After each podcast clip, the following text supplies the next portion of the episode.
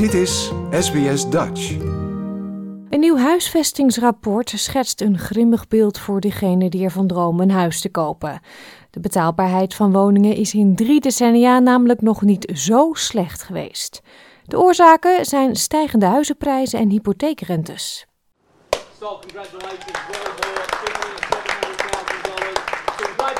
De grote Australische droom van het bezitten van een huis is voor sommigen inderdaad werkelijkheid. I think you know by the time we will be in here for Christmas, so that's that sounds great. I guess you know it comes to a point where you know you, you don't find houses like this often in the market, so you got to pay the premium to get it.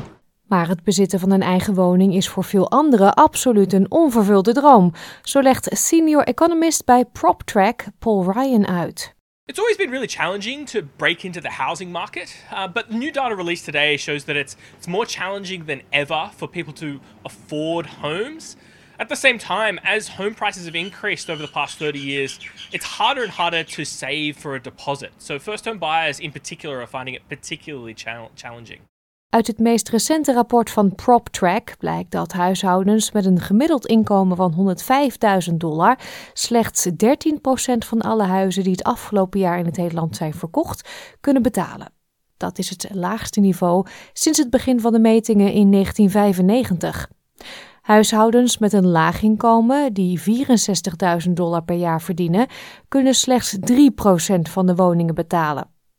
Paul Ryan gelooft dat het bouwen van meer woningen een deel van de oplossing is.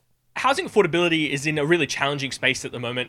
Uh, and the one positive we've seen has been a focus on housing supply as the solution to housing affordability. We need to build more homes because ultimately that is the way that we're going to uh, increase housing affordability in the future. Met een gemiddelde huizenprijs van meer dan 1 miljoen dollar in Sydney voert New South Wales, net als de afgelopen 30 jaar, de lijst aan van de minst betaalbare staat. New South Wales wordt op de voet gevolgd door Tasmanië en Victoria, terwijl de betaalbaarheid van woningen het beste is in West-Australië en Queensland. We also see relatively favorable housing affordability in Queensland still, despite the big run up in home prices over the past few years.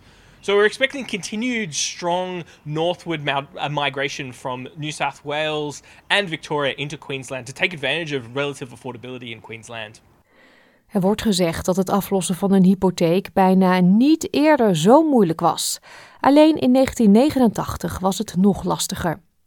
Experts noemen het onwaarschijnlijk dat starters de woningmarkt kunnen betreden als er geen aandacht wordt besteed aan woningaanbod en andere overheidsinitiatieven. Dit verhaal werd gemaakt door Catriona Stirrett en Masna Angouri voor SBS Nieuws en in het Nederlands vertaald door SBS Dutch. Like, deel, geef je reactie. Volg SBS Dutch op Facebook.